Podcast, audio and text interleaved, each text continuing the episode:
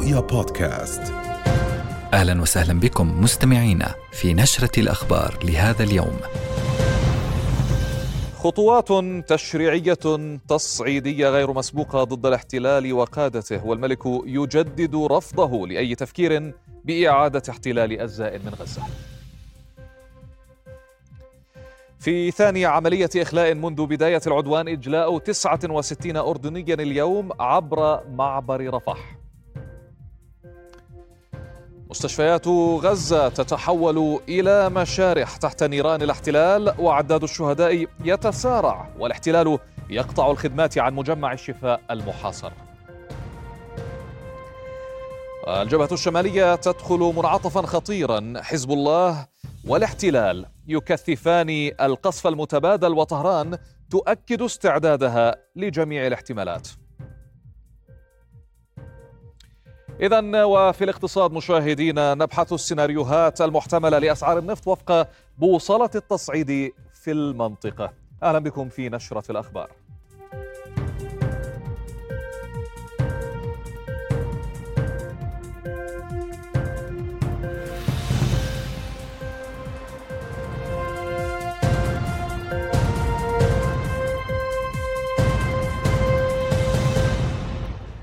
حياكم الله. رفض جلالة الملك عبد الله الثاني اليوم أي سيناريو أو تفكير بإعادة احتلال أجزاء من غزة أو إقامة مناطق عازلة فيها مؤكدا أنه سيفاقم الأزمة ومؤكدا أيضا أن هذا الأمر مرفوض ويعد اعتداء على الحقوق الفلسطينية. وجدد جلالته القول خلال لقائه في قصر الحسينية رئيسي مجلسي الأعيان والنواب ورؤساء وزراء سابقين وسياسيين أنه لا يمكن للحل العسكري أو الأمني أن ينجحا مشددا على أنه لا بد من وقف الحرب وإطلاق عملية سياسية جدية تفضي إلى حل الدولتين. كما شدد على أهمية وحدة الأراضي الفلسطينية وعلى دعم السلطة الشرعية منبها إلى أن غزة يجب ألا تكون منفصلة عن باقي الأراضي الفلسطينية وأيضا اعتبر جلالته أن ما تشهده غزة من عقاب جماعي وقتل للمدنيين وهدم لكل المرافق الحيوية من مستشفيات ودور عبادة لا تقبله شرائع سماوية ولا قيم إنسانية. في سابقة منذ إبرام معاهدة السلام قبل ثلاثة عقود كلف مجلس النواب لجنته القانونية بمراجعة جميع الاتفاقيات الموقعة مع الاحتلال وتقديم شكوى ضد قادته أمام محكمة الجنايات الدولية ردا على عدوانه المتواصل على غزة منذ 38 يوما وبالتزامن مع بطشه ضد الفلسطينيين في الضفة الغربية.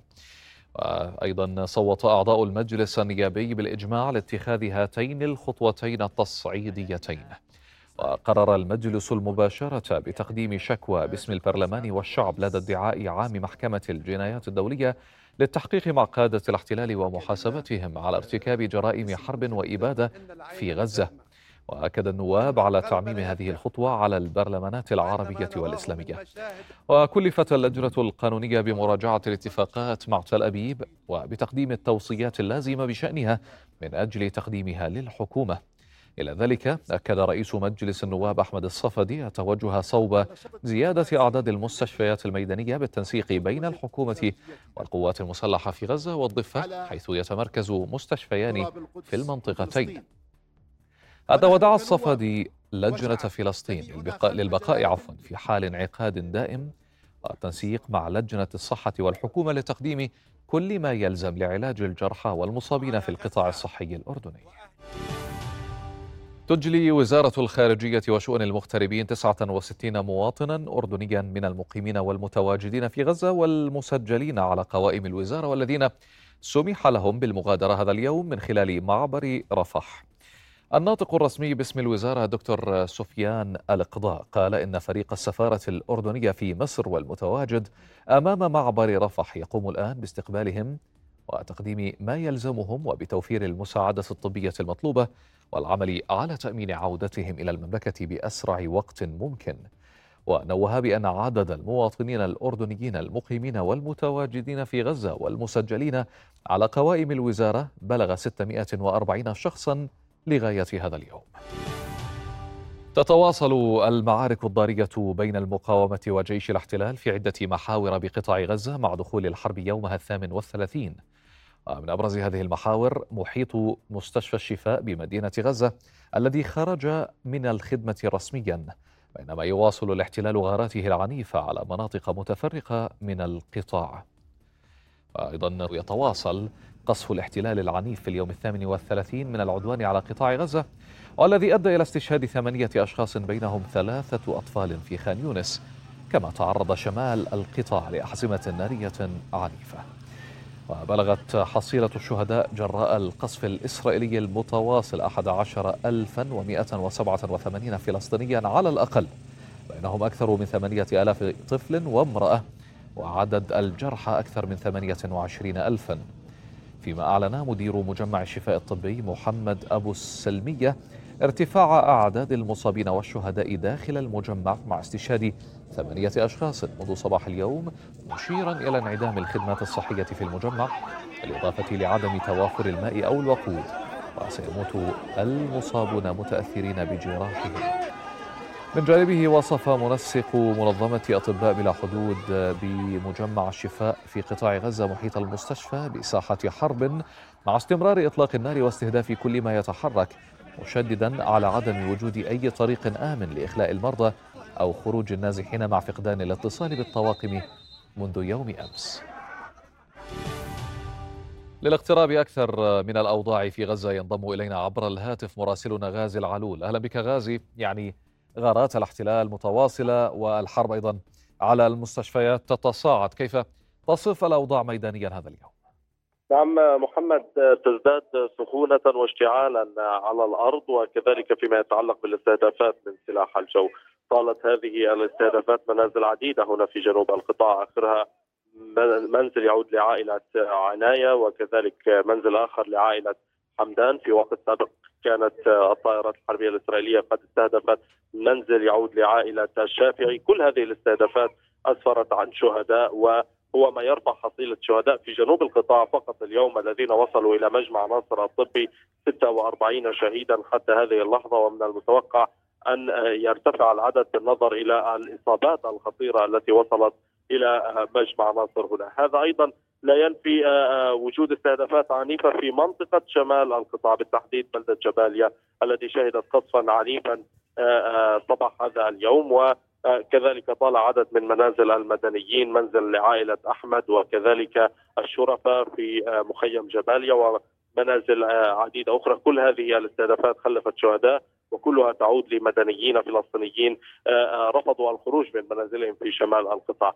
على أي حال ما يجري على الأرض هو الأهم وهو سيد الموقف على اعتبار أن العملية العسكرية البرية للاحتلال تزداد اتساعا في إطار تحقيق أهداف استراتيجية للاحتلال الإسرائيلي والمتعلقة بتدمير وتقويض قدرات حماس وإزالة خطر حماس كما يدعي الاحتلال الإسرائيلي وأنه يظن بأن المستشفيات هي مواقع عسكرية وتقود من خلالها قيادة حماس العملية العسكرية من داخلها وأيضا تتوقع وجود أنفاق وكذلك وجود رهائن في هذه المستشفيات على الرغم من النفي الذي صدر من حركة حماس وأيضا صدر من جهات أممية تعمل داخل المستشفيات وحتى هذه اللحظة لا يستطيعون الخروج والنزوح من داخل المستشفيات التي استهدفت في أكثر من مرة. وأيضا تطالها القذائف والرصاصات من قبل جيش الاحتلال الإسرائيلي في أكثر من مرة وسط مخاوف من يعني كوارث إنسانية متعلقة بأرواح المرضى سيما وأننا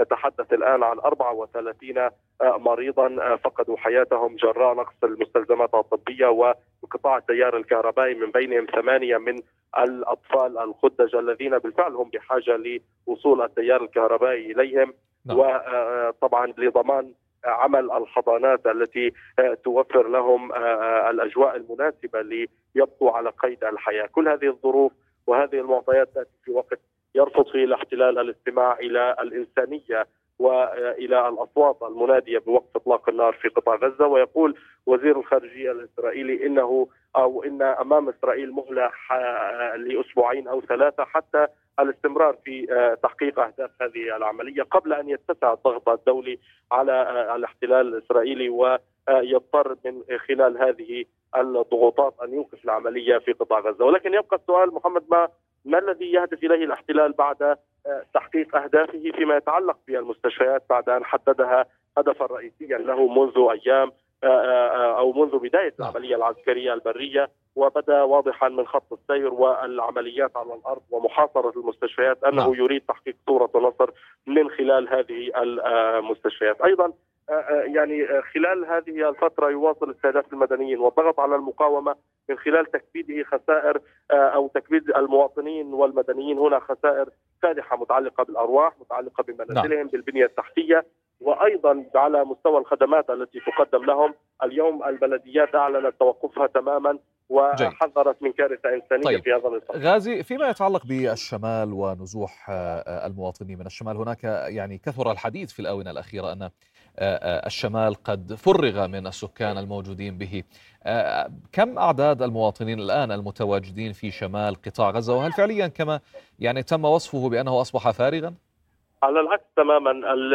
عمليات النزوح كانت من خلال المدارس والمستشفيات التي تواجد فيها بالفعل عدد كبير من العائلات الفلسطينية التي في النهاية اضطرت للخروج والنزوح إلى جنوب القطاع. ولكن من بقي منزله قائما ظل في في منزله وصامدا و يعني يتعايش مع الظروف الحاليه على الرغم من اشتداد القصف والجرائم بحق المدنيين الفلسطينيين. هذا ابدا لا ينفي بالفعل وجود أعداد كبيرة ومتواجدة في شمال القطاع وأيضا في المناطق الشرقية على وجه التحديد من مدينة غزة منطقة حي الصبره منطقة الدرج منطقة كذلك الشجاعية. هذه المناطق التي تشهد يعني يعني هدوءا نسبيا على عكس ما نلحظه في غرب مدينة غزة منطقة تل الهوى ومنطقة الشاطئ بالإضافة إلى منطقة الشيخ رضوان والنصر هذه المناطق نتيجة المعارك على الأرض بالفعل اضطر الناس هناك للخروج وغالبية من وصل إلى جنوب القطاع هم من سكان هذه المناطق. طب هل هناك تقديرات لهذه الأرقام؟ يعني ما وصل بالفعل الأونور وقالت إن ما نزح من الفلسطينيين سواء إلى مراكز الإيواء أو إلى جنوب القطاع هو مليون وسبعمائة ولكن هذا في كل قطاع غزة وليس فقط في شمال القطاع. على اعتبار أن الشمال يضم مليون ومئتي ألف كما تحدثت آخر الأحصائيات فإن نصفهم بالفعل خرج ووصل إلى جنوب القطاع هنا ووصلوا إلى مراكز النزوح والمستشفيات وبالفعل يحاولون تدبر أمورهم في هذه المراكز على الرغم أشكرك. من قلة الإمكانيات والمقومات الأساسية للحياة، يعني اننا نتحدث عن قرابة 500 إلى 600 نعم. ألف بالفعل هم الذين لا يزالون داخل منازلهم في مدينة غزة وشمال القطاع ككل. أشكرك غازي العلول مراسلنا من غزة كنت معنا شكرا جزيلا لك. يستغل المواطنون وسلطات الاحتلال السابع من أكتوبر لتنفيذ مخططات استيطانية إجرامية في الضفة الغربية وأبرز هذه المخططات تتعلق ببلدة حواره جنوب نابلس، المزيد في تقرير الزميل حافظ أبو صبرة. هناك على بعد 500 متر يقع حاجز حواره وهو المدخل الرئيسي والجنوبي لمدينة نابلس شمال الضفة الغربية المحتلة. نقف بعيدا عنه لأنه صار في الآونة الأخيرة واحدا من مصائد الإعدام الميداني بحق الشبان الفلسطينيين. يشكل الحاجز واحدا من بين سبعة حواجز مغلقة منذ الخامس من أكتوبر. حين وقعت عملية إطلاق نار على الشارع الرئيسي ببلدة حوارة وأدت لإصابة مستوطنين. في ذلك الوقت تصادف مرورنا من بلدة حوارة مع حدوث عملية إطلاق النار. حينها رصدنا تنكيل الاحتلال بالمواطنين الفلسطينيين يوم خميس مع نهاية الأسبوع.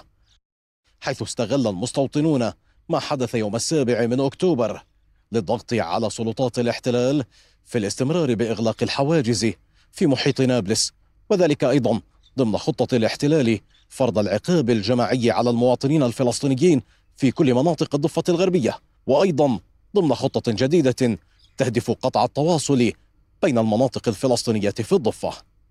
منذ ذلك الوقت يفرض الاحتلال ما هو أشبه بنظام منع التجول على طول الشارع الرئيس الذي يبدأ من هذا الحاجز وصولا إلى منتصف بلدة حوارة.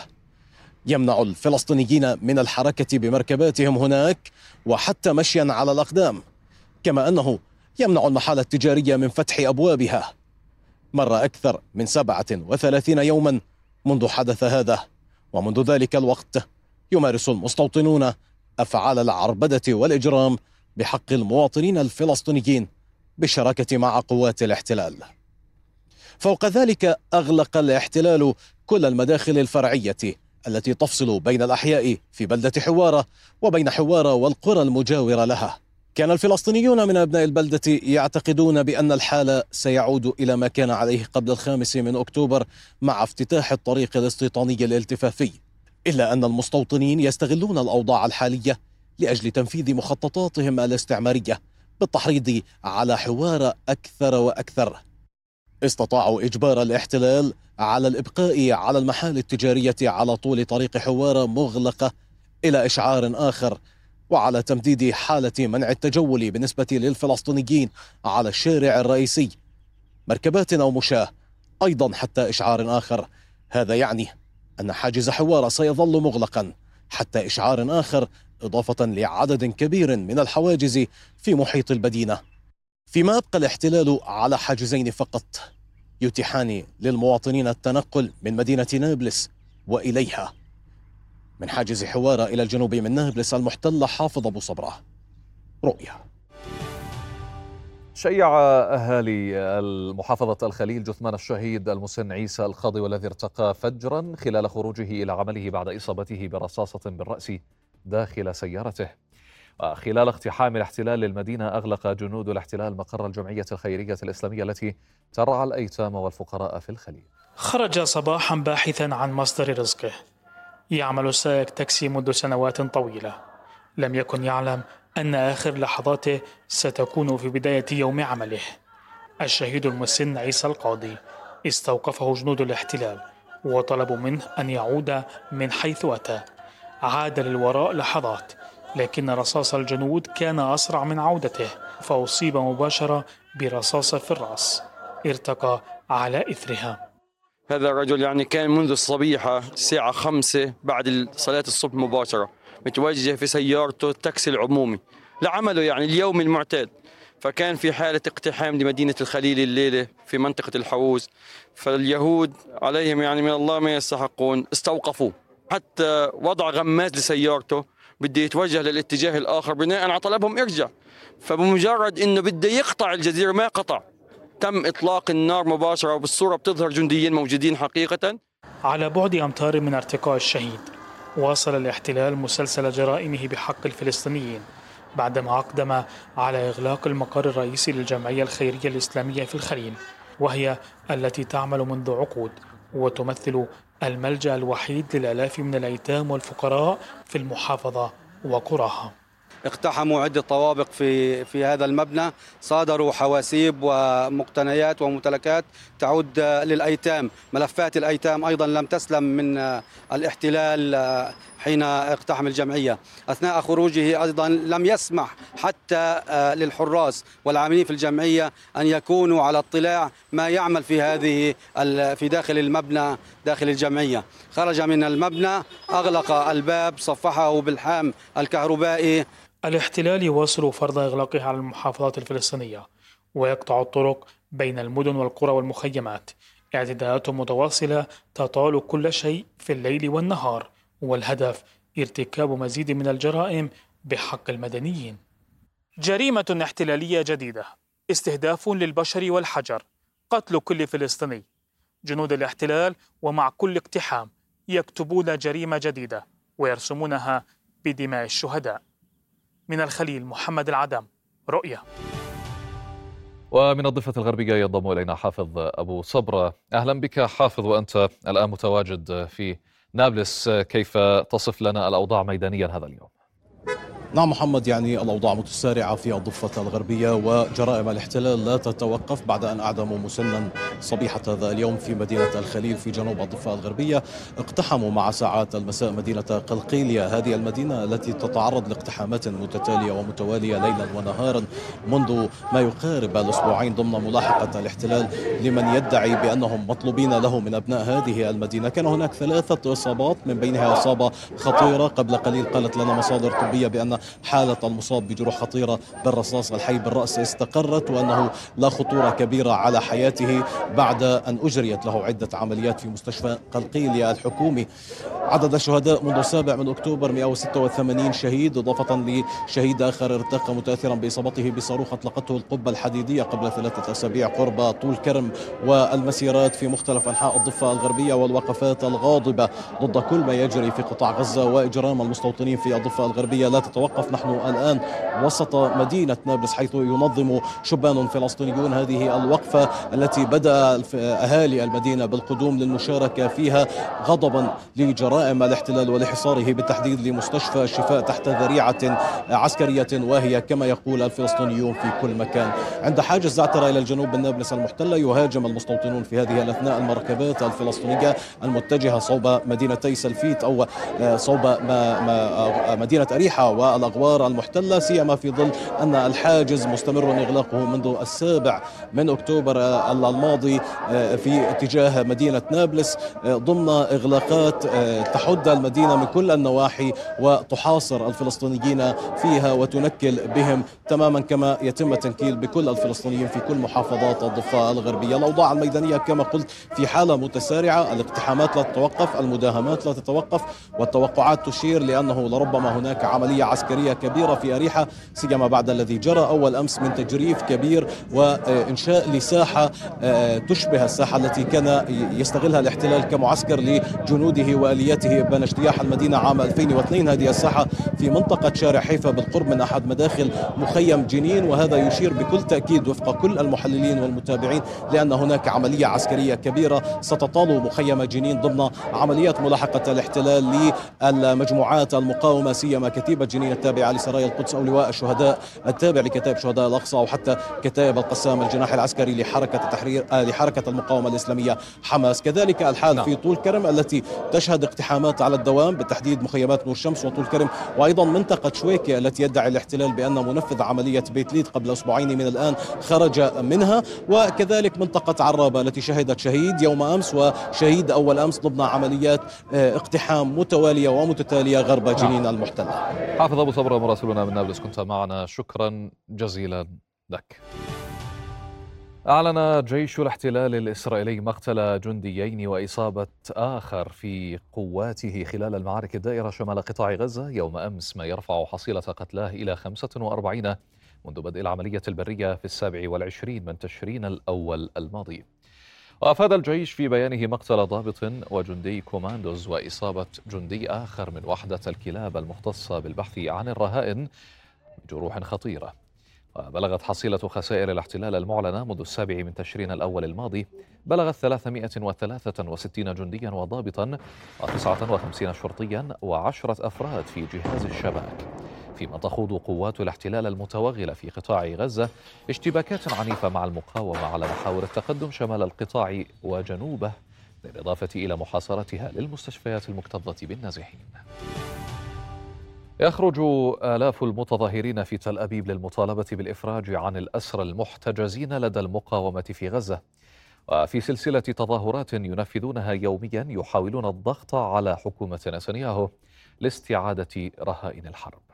تتعالى أصوات المطالبين بإقالة رئيس وزراء الاحتلال الحالي بنيامين نتنياهو يوما بعد يوم. فيخرج الآلاف بشكل أسبوعي لشوارع تل أبيب للمطالبة بذلك. وينضم إلى المحتجين أعضاء كنيسة ووزراء ومؤثرين كثر في كيان الاحتلال. لزيادة حجم الضغط على الحكومة في سبيل تحقيق ذلك الإقالة ومن ثم السجن. الأمر الذي دفع عضو مجلس كابينت الحرب ووزير حرب الاحتلال السابق بني جانس لمعارضة تلك المطالب علنا معتبرا أنها محض من الجنون في الوقت الحالي. نتنياهو يدرك تماما أن مصيره السياسي مرتبط بمسار الحرب على غزة وبملف الأسرى لدى حماس. فيحاول المراوغة بانتصارات واهية تشمل إخفاء حجم الخسائر في العدة والعتاد وفي سبيل ضمان ذلك. حد من حرية الرأي والتعبير في القدس والداخل الفلسطيني المحتل. ثم حارب منشورات وخطابات المقاومة الفلسطينية بمشروع قانون بالكنيست. بالسجن عام لمن يشاهد محتوى مؤيد لحماس. الاحتلال يحجب الصورة الحقيقية عن المستوطنين بمؤتمرات صحفية وخطابات لا تعترف بأعداد القتلى الحقيقي ولا بأعداد الدبابات المدمرة. إلى أن كشفت صور أقمار صناعية اختفاء 88 آلية عسكرية كانت تتمركز في محور شمال غرب غزة في الثامن من الشهر الحالي. ما يعني وفق مختصين أنها تحطمت أو تعطلت عن الخدمة القتالية. وبينما تجد حكومة نتنياهو الأساليب لتضليل حجم الخسائر الناتجة عن التوغل البري إلا أنها لم تتمكن من حجب تكلفة الحرب الاقتصادية والتي تصل إلى 260 مليون دولار يومياً. رئيس البنك المركزي في كيان الاحتلال وصف الحرب في قطاع غزة بالصدمة الكبيرة للاقتصاد. في حين يؤكد وزير المالية يتسلائل سموتيتش أن على الحكومة تحويل مليارات الدولارات من مشاريع دعم المدارس الدينية ومشاريع دعم وتطوير المستوطنات لخزينة الدولة. ما يعني أن هذه الميزانية قد تدفع نتنياهو إلى السجن مع نهاية الحرب. من فلسطين المحتلة آية الخطيب رؤيا. إذا يستمر الغليان في جبهة جنوب لبنان مع تجدد قصف الاحتلال على عدد من القرى والبلدات الجنوبية على الحدود مع الأراضي الفلسطينية المحتلة. وتركز القصف المدفعي الإسرائيلي على بلدات في القطاع الشرقي من الجنوب فيما أقدم جيش الاحتلال على استهداف سيارة تابعة لوسائل إعلامية مرئية في بلدة يارون الحدودية بالقذائف بهدف دفع الصحفيين إلى مغادرة المكان وتوقيف التغطية الإعلامية. في المقابل استهدف حزب الله بما وصفها الأسلحة المناسبة موقع رمث التابع للاحتلال في مزارع شبعة محققا إصابات مباشرة. وفي وقت سابق أعلن حزب الله استهداف مواقع وتجمعات إسرائيلية قبالة الحدود الجنوبية في حين رد جيش الاحتلال بالقصف بقذائف فسفورية. قال قائد القوات الجوية في الحرس الثوري الإيراني أمير علي حاجي زادة إن الحرب على غزة اتسعت مؤكدا أن حزب الله بات منخرطا فيها. وأيضا أردف حاجي زاد أنه من الممكن أن يزيد مستوى الصراع أكثر فالمستقبل غامض للغاية وأنهم مستعدون لجميع الاحتمالات وفق قوله. إلى ذلك أكد المسؤول الإيراني أن طهران ليست في وضع يسمح لأي أحد بتهديدها بقوله نحن في ذروة قوتنا وأعدادنا وأعدادنا عفوا أنفسنا لجميع أو أعددنا أنفسنا لجميع المواقف واصفا انتصار المقاومة الفلسطينية بالنصر الاستراتيجي الكبير ولا يمكن تدميره بالعمليات الإجرامية للكيان الصهيوني على حد تعبيره.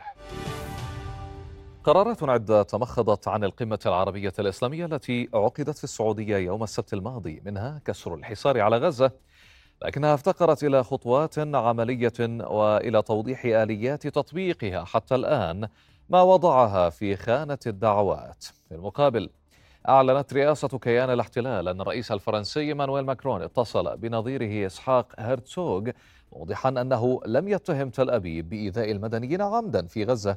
وذلك بعد أن حض كيان الاحتلال في مقابلة مع هيئة الإذاعة البريطانية بي بي سي على وقف القصف الذي يقتل مدنيين في غزة في تصريحات وصفها رئيس حكومة الاحتلال بنيامين نتنياهو بأنها خاطئة لجهة الوقائع والموقف الأخلاقي بحسب تعبيره. عندما يبرر زعيم إحدى دول العالم الحر لنفسه أمام مجرمي الحرب ستعرف تماما أن العالم ليس حرا وأن ملامة آخرين مكبلين بالمصالح والتبعية لا جدوى منها. رغم فداحة الوضع الإنساني في غزة جراء عدوان الاحتلال الإسرائيلي المستمر منذ أسابيع إلا أن احدا لم يجرؤ أن يضغط باتجاه وقف الاحتلال لإطلاق النار أو حتى جعله يقبل بهدنة إنسانية. ولا حتى الهيئة الأممية الأعلى في العالم والتي ولدت من رحم الحرب العالمية الثانية فقرارات الجمعية العامة للأمم المتحدة غير ملزمة وحق النقد الفيتو في جعبة واشنطن يحول دون تحقيق أي اختراق في مجلس الأمن الدولي.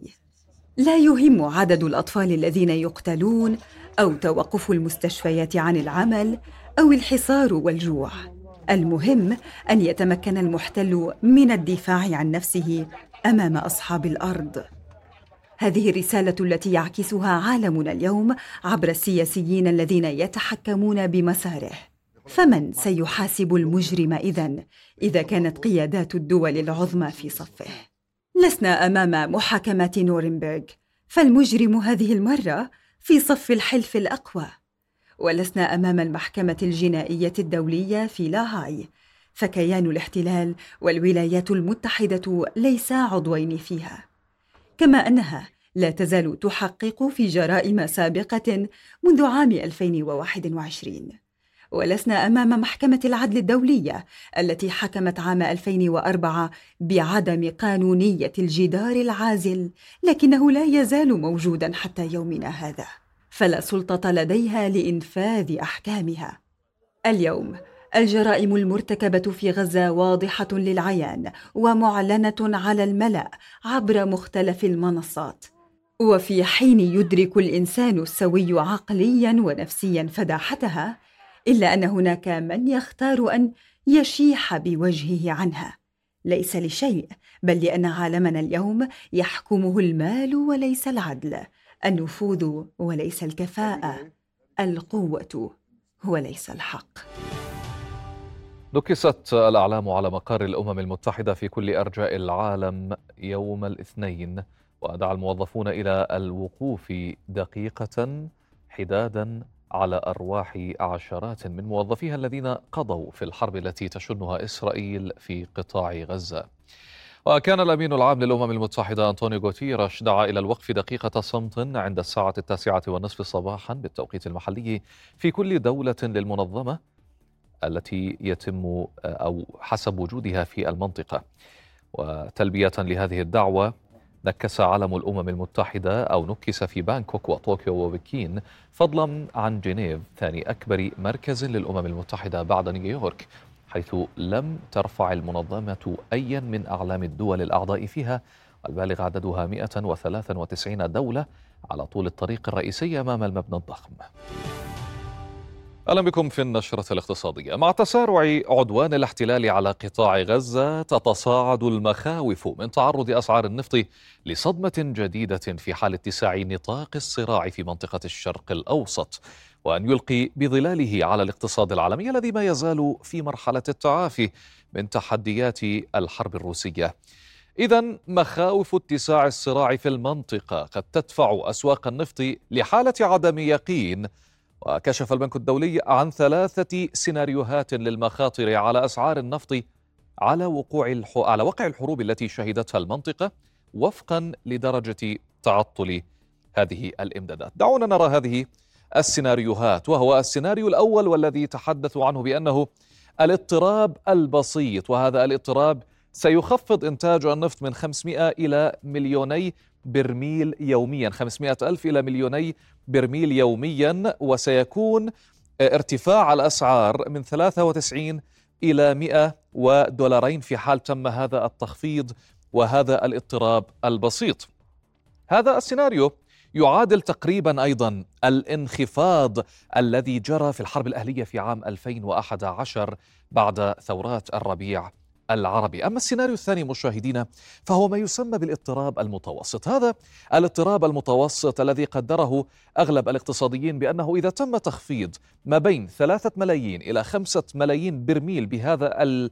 بهذا بهذا الوقت أو يوميا سيتم أو ستتم عملية ارتفاع الأسعار من 109 دولارات إلى 121 دولارا للبرميل ال... ال... الواحد و هذا ما يسمى بالاضطراب المتوسط وهو ما يعادل تقريبا ما حدث في أسواق النفط في حرب العراق عام 2003 أما السيناريو الثالث وبحسب هذا التقرير وهو الاضطراب الكبير وسيتم بهذا الاضطراب تخفيض ستة إلى ثمانية ملايين برميل بصورة يومية. هذا التخفيض بصورة عامة سيؤدي إلى ارتفاع أسعار النفط من 140 إلى 157 دولارا للبرميل الواحد. طبعا اليوم الأسعار تتراوح ما بين 70 إلى 80 دولار للبرميل الواحد.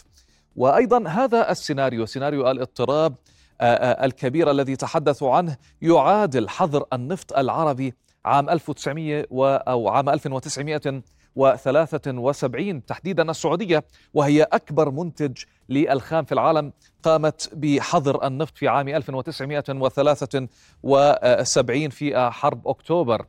إذا هل يلوح بهذا أو يلوح بهذا السلاح اليوم لوقف الحرب ولحماية الأرواح ودرء المخاطر الاقتصادية؟ هذا ما سنعرفه خلال الأيام القادمة من هذه الحرب الدائرة على قطاع غزة منذ أكثر من 38 يوما. مع توقف عمل المخابز في غزة مع نقص الطحين وقطع الاحتلال لإمدادات المياه والوقود اللازمة لتشغيل المخابز وجد الفلسطينيون في غزة التي تواجه عدوانا منذ 38 يوما حلولا قديمة إذ لجأوا إلى تصنيع أفران من الطين لخب لخبز جميع أنواع الخبز في ظل عدم توفر الوقود والغاز وتأمين احتياجاتهم من هذه السلعة الأساسية. وطالب اهالي القطاع المحاصر بإنهاء الحرب التي أثقلت كاهلهم وزادت من الصعوبات المعيشية في ظل منع الاحتلال لدخول مساعدات إنسانية كافية للقطاع. وكان أصحاب المخابز يلجؤون إلى الحطب لإشعال أفرانهم وتأمين أهالي القطاع بالخبز في وقت أو في وقت توفر الطحين من الأونروا. تواصل وزارة الطاقة والثروة المعدنية توقيع مذكرات التفاهم مع شركات راغبة بإنتاج الهيدروجين الأخضر ليكون الأردن مركزا إقليميا لإنتاج وتصدير الطاقة الخضراء. ووقعت أو وقعت اليوم أربع مذكرات تفاهم مع شركات خاصة لإعداد دراسات الجدوى لتطوير مشاريع الهيدروجين الأخضر في الأردن. حيث تسعى الشركة أو الشركات لتوليد قرابة مليون وثلاثمائة ألف طن سنويا من الأمونيا الخضراء بالتوقيع اليوم حيث يرتفع عدد المذكرات الموقعة إلى سبع مذكرات. تحدد الإطار العام للتعاون مع القطاع الخاص لغايات تسهيل وتمكين الشركات من عمل دراسات الجدوى الأولية لإنشاء مشاريع جديدة للهيدروجين الأخضر ولمدة عام واحد. وفي ضوء النتائج ستدخل الوزارة في اتفاقيات إطارية وصولا إلى الاتفاقيات الاستثمارية النهائية للمشروع. اليوم إحنا أنهينا إعداد الاستراتيجية الوطنية أيضا للهيدروجين الأخضر اللي آه، آه، درسنا من خلالها مختلف المجالات مختلف الإجراءات اللي بتساعدنا لتطوير لتطوير هذا القطاع وجذب الاستثمارات إن شاء الله فيه. إحنا لليوم وقعنا ثلاث مذكرات تفاهم اوريدي وقعت. اليوم بنوقع أربعة قريبا إن شاء الله عندنا خمسة راح يتوقعوا، إحنا مستعدين وجاهزين إنه نتعاون مع كل هذه الشركات لتسهيل مهمتها وبالتالي تحقيق النجاحات المطلوبة بهذا المجال. وصلنا لختام هذه النشرة في أمان الله.